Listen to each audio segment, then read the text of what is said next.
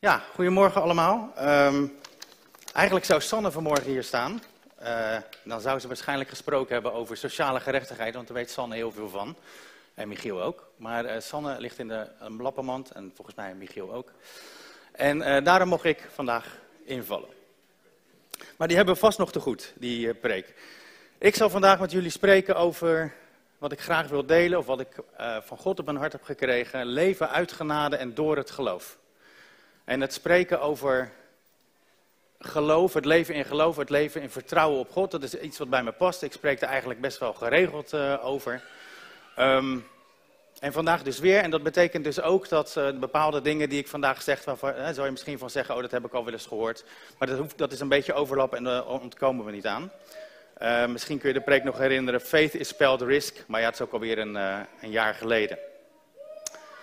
De preek sluit ook aan op de preek die Bram gehouden heeft twee weken geleden met eh, de titel Vasthoudend Geloof.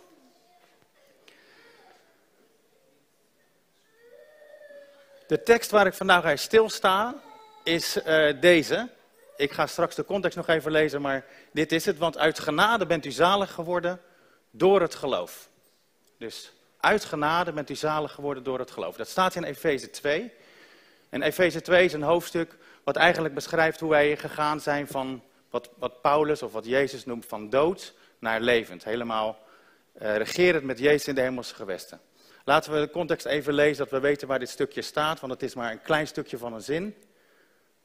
Efeze 2, uh, ik lees hem voor. Hij heeft ons met hem opgewekt, opgewekt uit de dood, en met hem in de hemelse gewesten gezet in Christus Jezus, omdat hij in de komende eeuwen de alles overtreffende rijkdom van zijn genade zou bewijzen. Door de goede tierenheid over ons in Christus Jezus.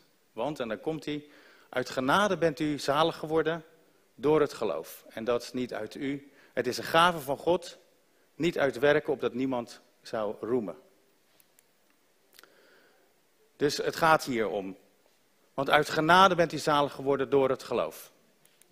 Heel duidelijk dus die twee dingen uit genade en door het geloof. En weet je, Jezus zegt tegen ons, uh, ik ben gekomen om jullie leven te geven in een overvloed. En dat is natuurlijk voor ons muziek in de oren, hè, dat hij dat is komen doen en dat hij dat gezegd heeft. Maar heel vaak zien we dat eigenlijk niet zo in ons leven. En dan vragen we af, uh, waar is het nou, waar komt dat door? En soms zijn er wat sleutels, wat dingen die in de Bijbel staan die je moet weten. En ik denk dat dit een van die sleutels is. Dat wanneer God iets geeft, dat wanneer hij ons wil zegenen, dan komt dat zowel uit genade, maar ook door het geloof. En zo kom je mensen, wel eens mensen tegen die zeggen, nou, als, als God werkelijk uh, ons wil zegenen, in Galaten 3 staat het ook, dat wij de zegen van Abraham hebben, waar je heel veel zegen in zijn leven zag. Die zegen is er ook voor ons. En zoals ik zelf net zei, Jezus is uh, gekomen om leven te geven en leven in overvloed. Dan zijn er mensen die zeggen, nou, als we dan toch in genade leven, als het dan toch zo is dat we er niks voor hoeven te doen, van nou, heren, kom maar, zeg maar, laat het allemaal maar komen. Maar die vergeten dan eigenlijk dat tweede gedeelte, door het, tweede gedeelte, door het geloof. Waarbij je natuurlijk alles krijgt van God uit genade, als een cadeau, we hoeven er niks voor te doen. Maar tegelijkertijd vraagt God van ons dat we Hem steeds meer gaan vertrouwen. Dat hij ons kan veranderen en kan vormen, zodat we al die zegen die hij voor ons heeft, ook steeds meer kan geven. We moeten ergens naartoe groeien. Je geeft een, een kind van vijf ook nog geen lucifers. Daar moet hij naartoe groeien. En zo moeten wij ook toegroeien naar het beeld wat God ons gegeven heeft in de Heer Jezus. Die heeft een leven voor ons voorgeleefd toen hij hier op aarde was. Daar mogen wij naartoe groeien. En gaandeweg zullen we steeds meer zegen zien. Er zijn ook mensen die wat meer naar de andere kant hangen. Die zeggen van luister, ik uh, lees mijn Bijbel, ik probeer echt in geloof te staan, ik probeer echt op Jezus te vertrouwen. Ik lees mijn Bijbel, ik ga naar de kerk, ik zit in een taakteam, ik uh, zet de vuilniszakken voor mijn buurvrouw voor de deur en ik doe allemaal goede dingen en toch zie ik eigenlijk zo weinig zegen.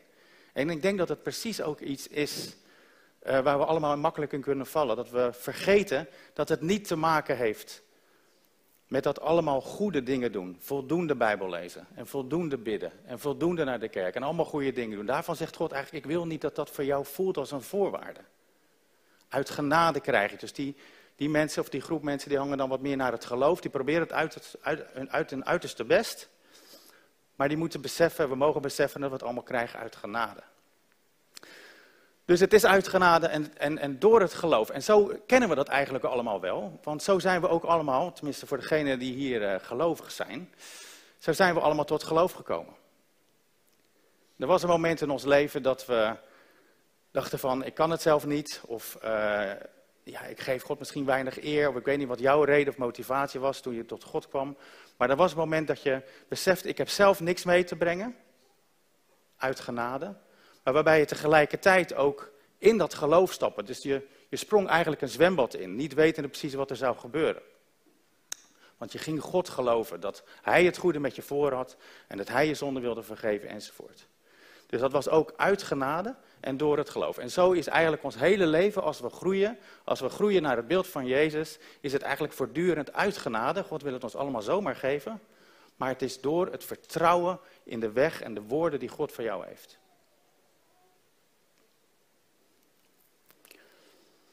Ik wil eigenlijk bij deze twee dingen even stilstaan. Zowel uit genade en door het geloof. Dan heb ik daarna twee uh, illustraties over hoe werkt dat dan. Als we echt uit genade en door het geloof op God gaan vertrouwen. En dan, dan, is, uh, dan is er weer koffie.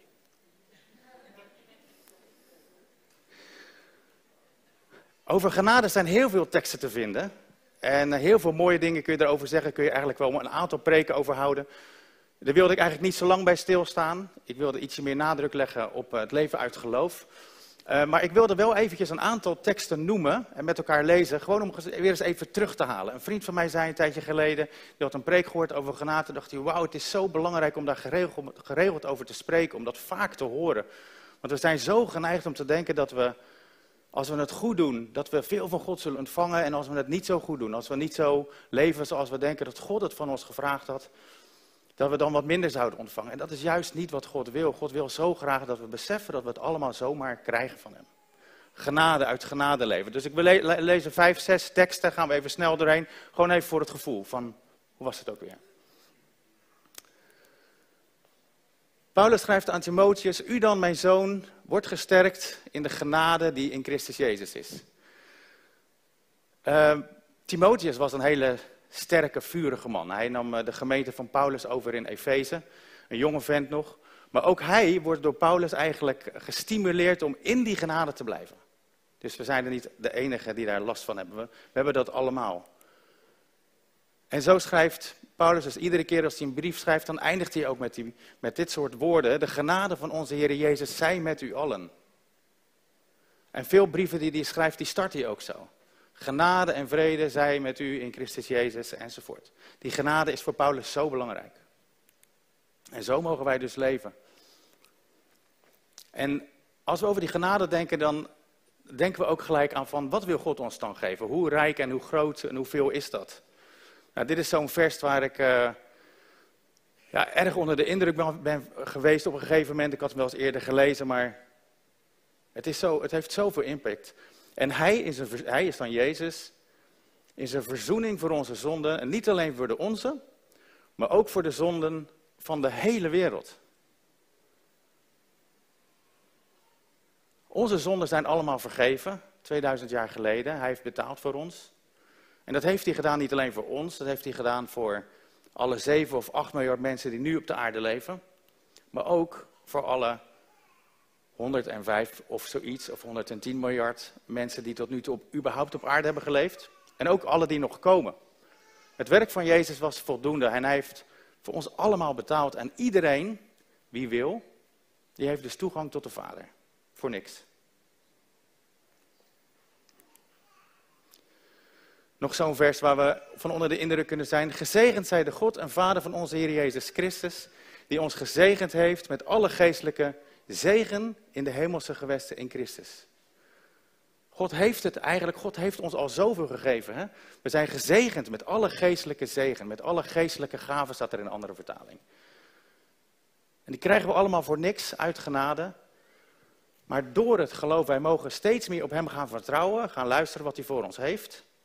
En hoe meer we daarin gaan wandelen, hoe meer die zegen ook naar ons toe kan komen.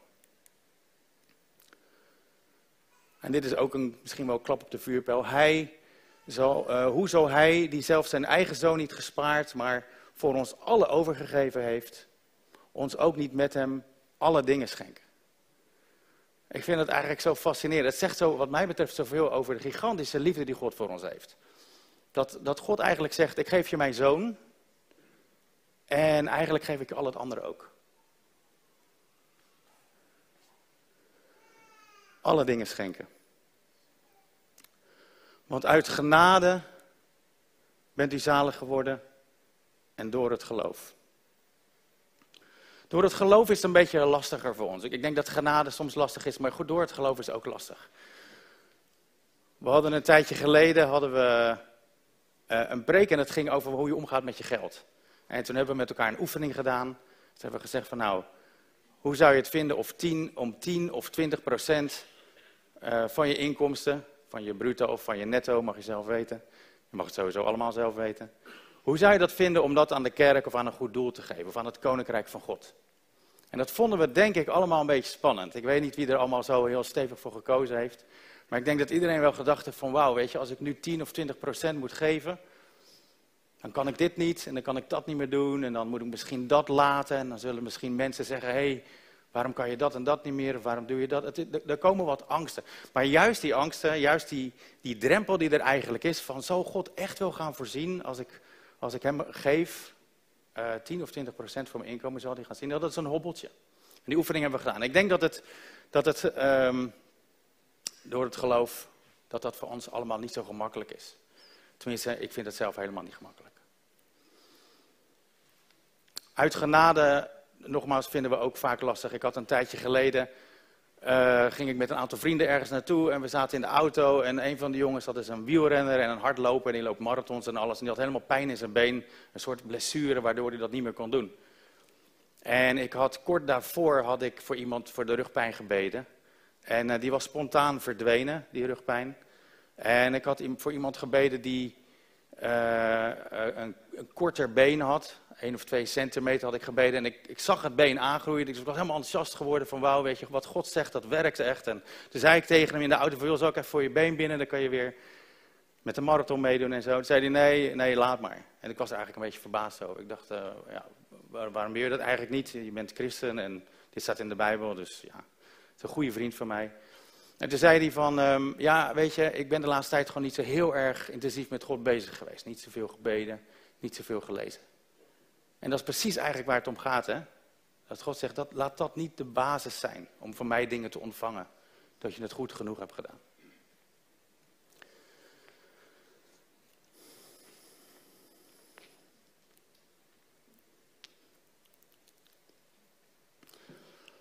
Maar die tweede, door het geloof, dat vertrouwen. Um, nogmaals, we hebben het echt nodig hè, om te groeien naar God, om op God te vertrouwen. Dus zo werkt dat ook als we jong zijn uh, en ouder worden.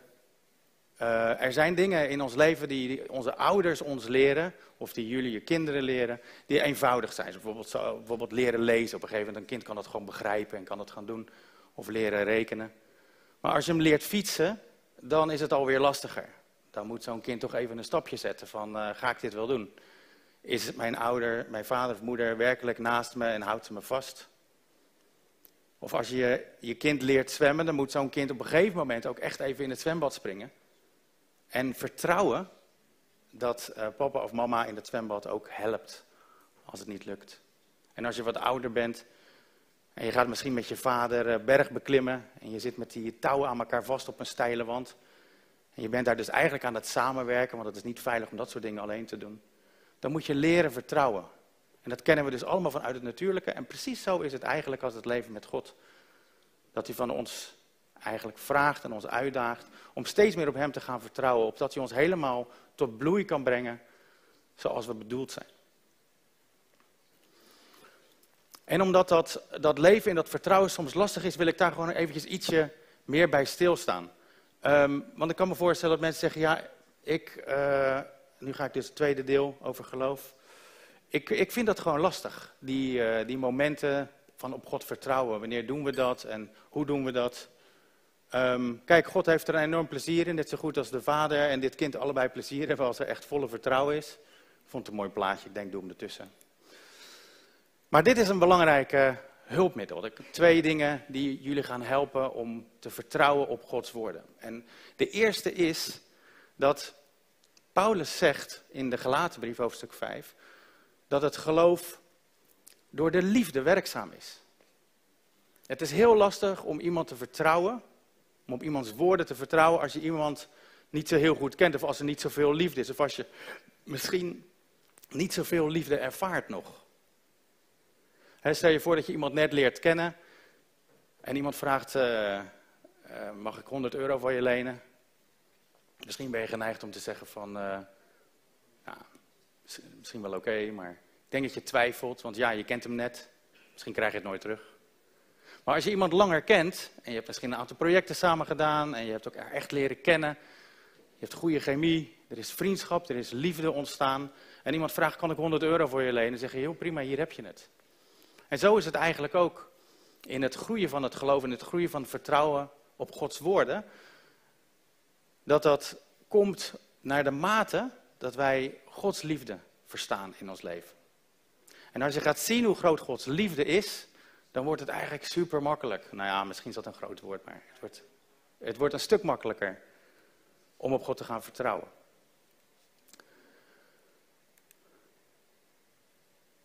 De tweede tip is, um, deze tekst heeft Bram ook aangehaald twee weken geleden, dat uh, het geloof, staat er in Romeinen 10, zo is dan het geloof uit het gehoor en het gehoor door het woord van God. Dat is een beetje omslachtig opgeschreven, vind ik. Soms is het lastig vanuit het Grieks naar het Nederlands vertalen.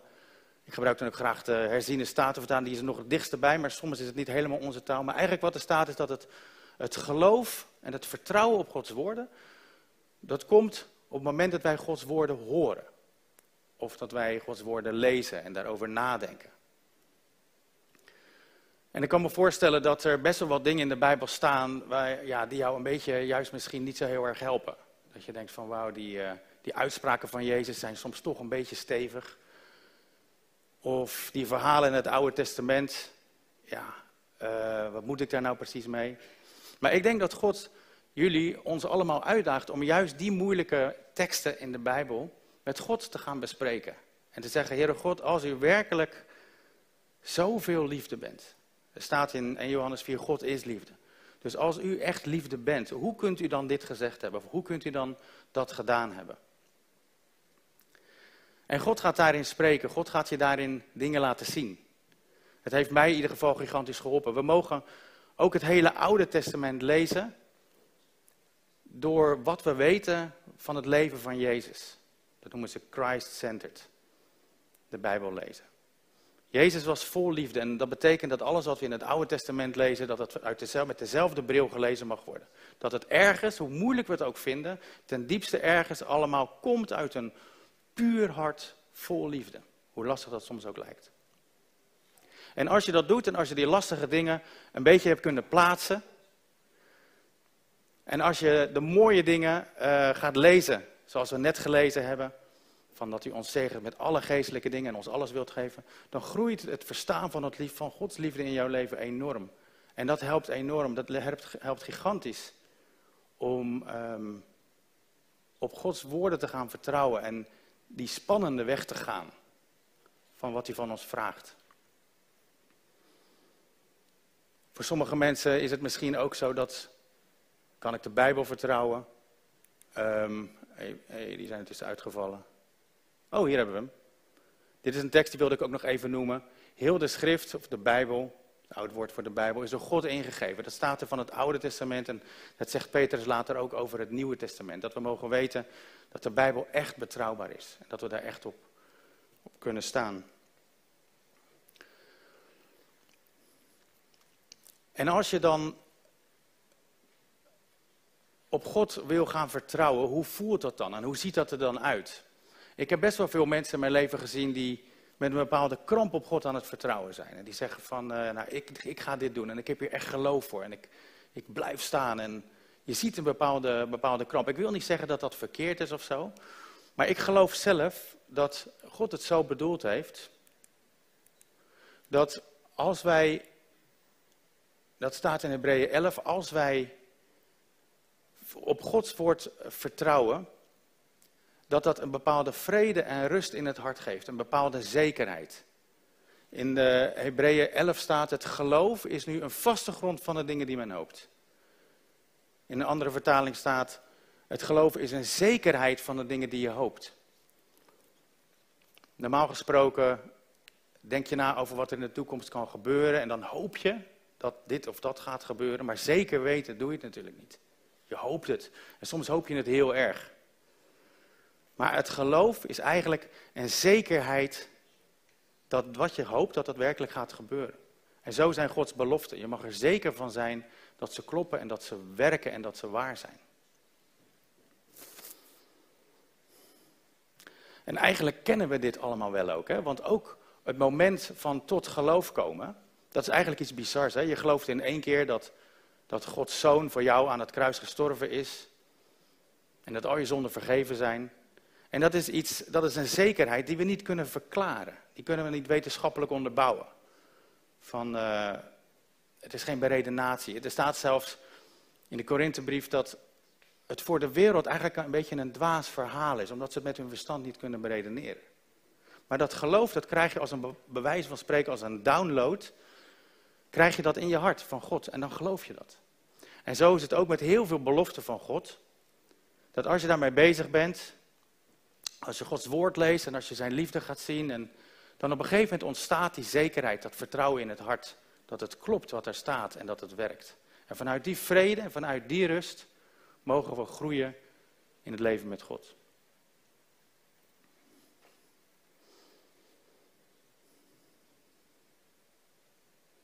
Je zou kunnen zeggen,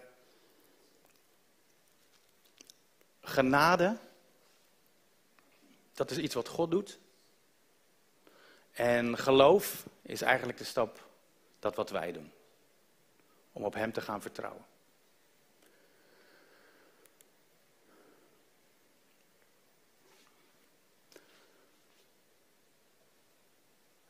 Dat preken, dat spreken of preken over het geloof is natuurlijk mooi en het staat allemaal in de Bijbel, het hoort er allemaal bij. Maar hoe werkt dat nou eigenlijk in ons leven? Klopt dat nou echt? Is het nou zo dat je kunt gaan staan op de woorden, de beloften die God geeft en werkt het nou echt? En ik denk dat het goed is om gewoon met elkaar getuigenissen te horen en te delen met elkaar. Ik wil uh, daar twee illustraties van geven, twee voorbeelden. Dus uh, ga lekker zitten, komen twee voorbeelden en dan sluiten we af. Het eerste voorbeeld wat ik wil noemen is van Harold. Ik heb een tijd geleden een boekje gelezen. Ik, dat boekje haal ik regelmatig aan in mijn preken. Dat boekje heet Leven als een koningskind. Het was ooit een bestseller in de Pinksterbeweging. En dat is een man die ervoor koos om, uh, om de Bijbel echt als een soort uh, handleiding voor het leven te gebruiken. En die heeft heel veel bijzondere dingen meegemaakt en uh, die staan allemaal in het boekje. En het voorbeeld wat ik wil noemen is een van zijn getuigenissen. Um, en um, hij stond eigenlijk stil bij dit vers. En God zij dank die ons in Christus altijd doet triomferen. En hij had erover nagedacht en uh, was er met God mee bezig geweest. En ik denk in gesprek ook met God van is dat nou zo? Kunnen wij ook echt altijd triomferen? En op welk gebied is dat dan? En hoe ziet dat er dan uit? En toen was het op een gegeven moment zo dat hij uh, uitgenodigd werd. Er was een groepje van 15 wetenschappers, allemaal natuurkundigen en scheikundigen, waren allemaal dokter of professor, allemaal slimme kerels. En die kwamen als een soort vriendengroep, kwamen ze elke maand bij elkaar.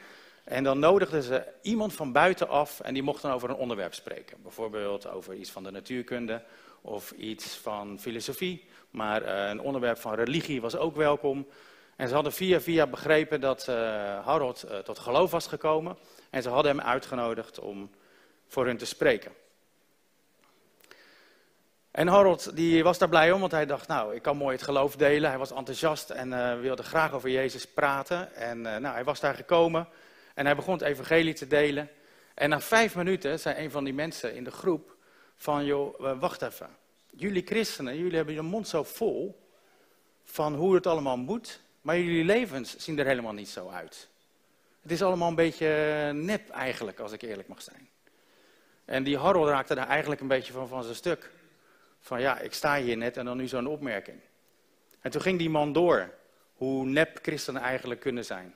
En toen was er nog iemand anders in de groep en die ging hem eigenlijk bijvallen van ja, inderdaad. Christenen hebben vaak hun mond vol van dingen. Maar ja, hoe echt zijn ze nou eigenlijk? En die eerste man die daar zo begonnen was, die zei van luister, ik ben, zelf ben ik pacifist. Ik ben tegen geweld en ik ben tegen oorlog. En daar praat ik over en daar ben ik heel open over. En dat is ook in mijn leven te zien. Ik ben geen man van geweld. Ik zeg in ieder geval, of ik doe in ieder geval wat ik zeg, wat ik vind aan mijn leven. Mijn leven is authentiek, mijn leven is echt. Dat kun je voor jullie niet zeggen. En toen dacht Harold van, ik sta hier net vijf of tien minuten, ik kan wel inpakken. Maar toen dacht hij aan dit vers. En God zij dank die ons in Christus altijd doet triomferen.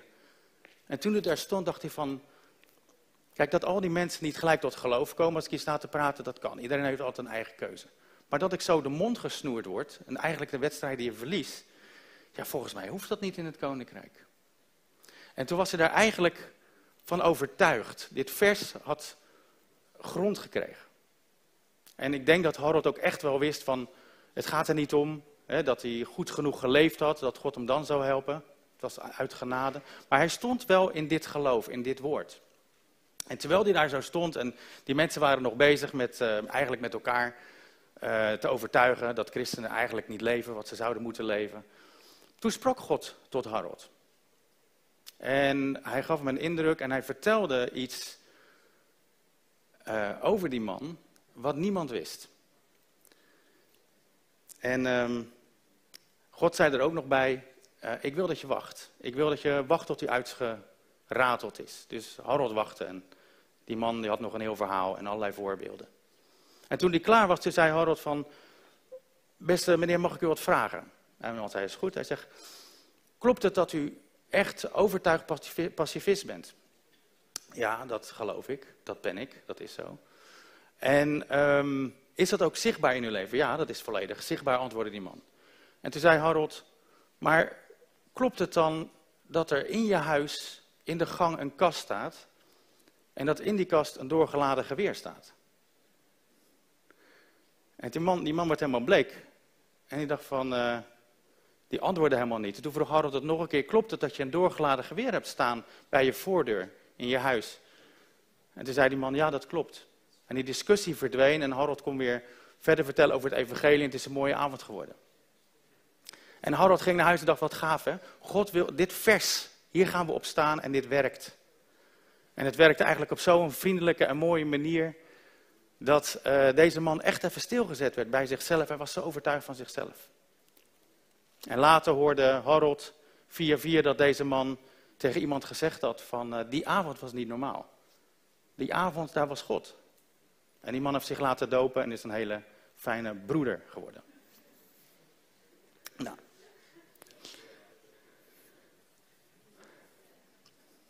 Het werkt. We mogen op Gods belofte staan. Ik heb zelf ook nog een verhaal, daar heb ik een beetje over getwijfeld. Ik heb ook nog eventjes uh, met Bram overlegd. Uh, ik heb wel een verhaal uit mijn eigen leven, wat ik graag deel, over of we op Gods belofte kunnen staan. En uh, ik twijfelde er een beetje over. En Bram vond het wel een goed idee, dus ik doe het toch maar. Maar um, soms zijn dingen ook een beetje kwetsbaar. We zijn een tijdje geleden begonnen met, uh, met een thema eigenlijk. Dat loopt nu alweer misschien een jaar, ietsje langer misschien al. Dat heet relationeel discipelschap. En dan zeggen we eigenlijk, en dat duurt misschien wel twee, drie jaar, uh, dat, we dat, dat we daarbij stilstaan. En, wat we eigenlijk zeggen, voor degenen die, die dat niet weten. we zeggen eigenlijk van als we discipel zijn, dan moeten we dat met elkaar doen. Dus het is belangrijk dat we wat dichter naar elkaar toe kruipen en dat we wat meer delen uit ons leven. Dus dat betekent de dingen die wij van God leren, dat je die ook doorgeeft aan de mensen in je omgeving. Je vrienden, je vriendinnen, ehm, in je taakteam, in je huisgroep, uh, in je triade. Maar ook de kwetsbare dingen, ook de dingen waar je mee worstelt. Dat je denkt van, ik zie dit helemaal niet, of ik snap dit niet, of ik zit op zo'n moeilijk punt in mijn leven. Dat we dat ook aan elkaar vragen en dat we dat met elkaar delen. En uh, ik denk dat ik wel ook een beetje, naar, aanleiding van dit verhaal wat ik jullie nu wil vertellen, dat, um, uh, dat het uh, belangrijk is. Ik zie San en Michiel zijn hier gewoon, ik dacht ze ziek waren, maar zijn niet. Dat was van apropos. Dat we als kwetsbaar gewoon dingen met elkaar mogen en, en kunnen, kunnen delen. En um, dat maakt ons sterk, dat maakt ons authentiek en dat maakt ons transparant. En een beetje in dat kader dacht ik van, nou weet je, dan vertel ik dit verhaal maar. Ehm, ik, ben, uh, ik was een aantal jaar geleden was ik headhunter. Dat wil zeggen uh, recruiter. Dus er is een bedrijf, ik zat in de bankensector, er is een bedrijf en die heeft dan bijvoorbeeld een, uh, nieuw personeelslid, iemand een, nieuw personeelslid nodig. En die vraagt dan aan mij van je weer gaan zoeken. Nou, ik ga dan bijvoorbeeld misschien wel honderd mensen benaderen en die ga ik, een aantal daarvan ga ik spreken. En de beste haal ik er dan uit en dan breng ik er twee of drie breng ik op gesprek.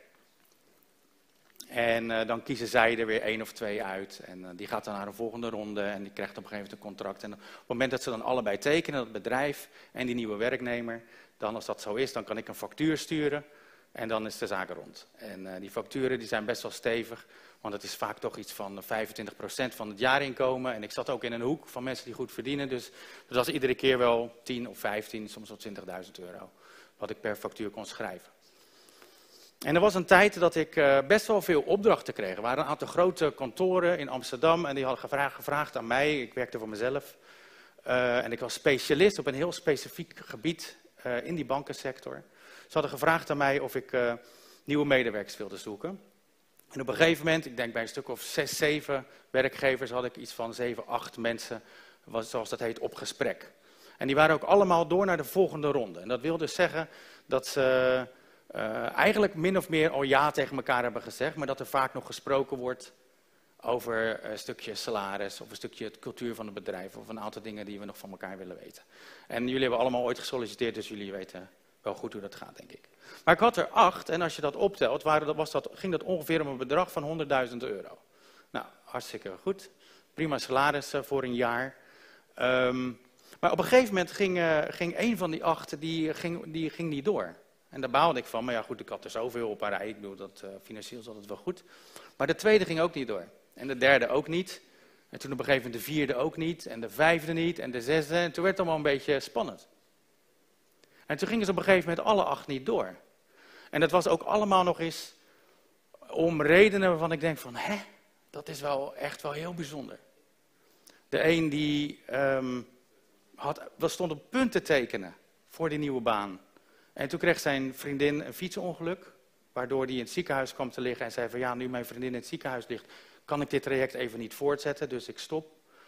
Weer iemand anders die uh, op, op de dag dat hij wilde tekenen, kreeg hij een telefoontje van een bedrijf waarin een half jaar daarvoor gesolliciteerd had. En die zeiden van joh, we hebben er een beetje lang over gedaan, maar we willen je aannemen hoor.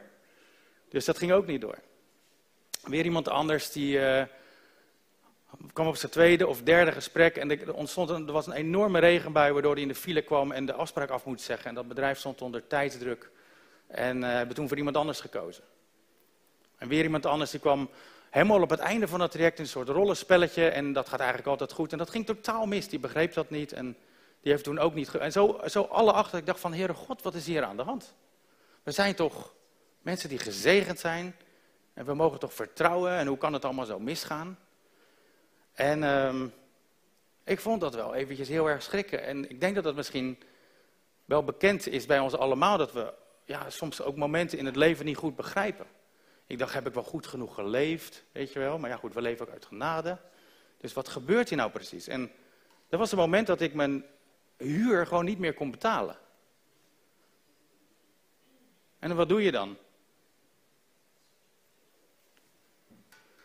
Ik dacht, uh, ik kan mijn ouders opbellen, ik kan vrienden opbellen, familie opbellen. Van jongens, uh, ik weet niet wat er gebeurt, maar het is heel gek. Ik ben ZZP'er, allemaal, allemaal opdrachten lopen mis.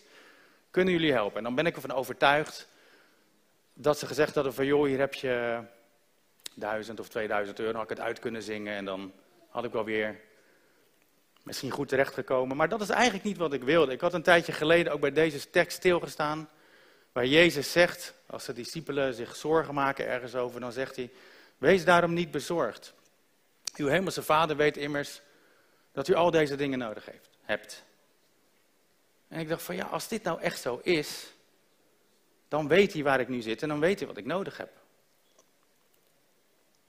Dan vond ik het eigenlijk niet ver. Ik zeg niet dat het verkeerd is hoor. Het is prima om vrienden op te bellen van joh, kun je even helpen. Maar op dat moment voor mij was het echt zo van, uh, ik wil in dit moment vertrouwen dat wat God hier zegt, dat dat klopt en dat het waar is. En dat ik niet mezelf hoef te redden op dit moment. Tegelijkertijd vond ik het wel echt een gigantische worsteling. Ik denk van, wat heb ik nou mijn pet hangen, joh? Ik moet gewoon mijn appartement uit. Een bepaalde frustratie, een soort achtbaan waar je in zit. Het leek ergens zelfs wel een soort uh, surrealistische wereld. En, um, maar ik dacht, ik wil op dit vers staan, ik wil hiervoor kiezen. Ik wil geloven dat wat Gods woord zegt, waar hij ons toe uitdoet, dat het klopt. Dus heb ik gezegd, weet je wat, oké, dan ga ik mijn appartement uit. Ik heb al mijn spullen in de opslag gedaan. Ik heb een koffertje genomen en ik ben in een, in een hostel gaan zitten in Amsterdam. En ik zie mezelf nog zo een beetje door Amsterdam lopen van, uh, wat is hier aan het gebeuren? Wat een raar iets is dit. En ik had nog 200 euro. En uh, zo'n hostel kost 50 euro per nacht of zo met wat eten. Was met een paar dagen was het op een gegeven moment echt helemaal op. Echt gewoon 0 euro. Mijn, bankrekening op, uh, wat was het, min 1000 en meer kon ik niet. Dus ik had echt gewoon echt helemaal niks meer. Toen dacht ik, ja, nu komt het er wel echt heel erg op aan. Nu heb ik echt helemaal niets. En nu moet God door de bocht komen op een of andere manier. Maar ik geloofde, ik geloofde dat, deze, dat dit vers zou kloppen. Ik, ik had daar rust over. Hè. Zoals ik net zei, dat het geloof ook een zekerheid is. Ik denk dat God me op dat moment ook wel gaf.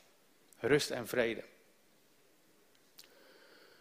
En toen um, belde op een gegeven moment een vriend van mij van, joh, hoe is het? Ik zeg, nou, niet zo heel erg goed. Oh, wat is er dan aan de hand? Nou, ik vertelde het een beetje. Oh, zegt hij, ik eh, stuur weer wat geld. Een vriend van mij uit, uit Engeland, een neef. En toen belde iemand anders, een dag later. Uh, en die stuurde mij ook wat geld. En iemand anders uh, kwam ik tegen. En die zei van, joh, zullen we even lunchen? En die zei vervolgens ook van, joh, wat een toestand. Uh, maar ik weet wel iemand, mijn schoonouders, die zijn een maand in Spanje. En je kunt wel in hun huis. Dus toen ben ik daar naartoe verhuisd. En even zei diezelfde vriend van, joh, ik weet nog een studentenkamer, daar kun je voor niks in. Dus toen ben ik daarin gegaan. En daarna kwam er dus ook weer een vriend van mij naar me toe uh, die dit niet wist. En die zei van, joh, mijn vrouw heeft een bedrijf. Maar dat uh, zit nu in problemen, want een belangrijke werknemer is zomaar opgestapt en we zitten met de handen in het haar. Heb jij misschien tijd? Ik zei, ik heb tijd. Dus ik ben voor die uh, vrouw van die vriend van mij gaan werken en toen gingen mijn inkomsten weer toenemen en... Ja, toen besefte ik eigenlijk dat alles is naar mij toegekomen. Ik heb niks gezegd. Ik heb wel geantwoord als mensen mij wat vroegen, maar ik heb niks gezegd. En uh, geld is elke dag naar mij toegekomen. En op een gegeven moment een plek om te wonen. En op een gegeven moment geld. En God heeft me een aantal dingen laten zien van waar hij mij wil brengen. In een, in een, in een visioen, zal ik maar zeggen. Of een plaatje of een droom. Dus dat gaf me enorm veel moed dat hij mijn leven echt weer aan het bouwen is. Maar het mooie van dit hele verhaal vind ik, van deze ja, misschien noem ik het een exercitie noemen. Dat ik wist op een gegeven moment, ik zie mezelf nog staan in Amsterdam um, bij de gracht. Uh, wetend dat ik niks meer, geen geld heb. Maar wetend dat God ging voorzien. Het was gewoon een soort lolletje bijna. Vanuit welke hoek gaat het vandaag komen? En van binnen in mijn hart ook echt vrede. Ik zou bijna zeggen dat ik me misschien wel gelukkiger voelde toen dan ooit tevoren. Die vrede en die blijdschap en zo concreet ervaren dat God je ziet en dat hij echt voor je zorgt. Dat hij van je houdt en dat hij eigenlijk ook aangeeft van jij bent belangrijk voor mij. Jullie hebben mij trouwens ook nog geholpen. Bram die zei, ik had op een gegeven moment werkelijk waar nog maar 1 euro in mijn broekzak. Ik had geld om met de trein, uh, het was in het andere gebouw nog, Scutos, om naar de kerk te gaan. Ik denk, ik ga gewoon naar de kerk. En Bram sprak die dag over voorzienigheid en over vrijgevigheid. En toen zeiden, joh, waarom vragen we het niet gewoon aan elkaar? Is er iemand die geld nodig heeft? En toen dacht ik, ja, beetje gênant.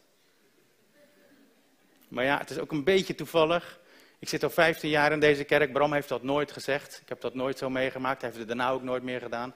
Maar op die zondag zei hij dat, door de geest. En ik stond op en een aantal van jullie hebben gelijk, ik was er echt bijna ontroerd van, hoe vrijgevig jullie waren om mij te zegenen op dat moment.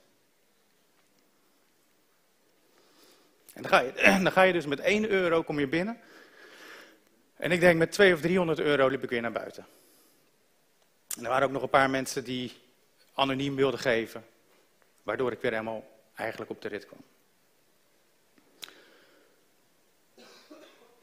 En ik wist ook van al die dingen, dat als ik op dit woord ga staan, dat God echt wil voorzien als we het moeilijk hebben. Dan is dat niet omdat ik goed genoeg geleefd heb. Want dat, dat kunnen we namelijk altijd zeggen. We leven nooit helemaal perfect. En als we daarop moeten wachten, dan kunnen we nooit gaan staan op die woorden die God voor ons heeft. Die belofte die hij ons gedaan heeft. Dus het was echt uit genade en door het geloof. Want uit genade bent u zalig geworden of gered en door het geloof. Amen.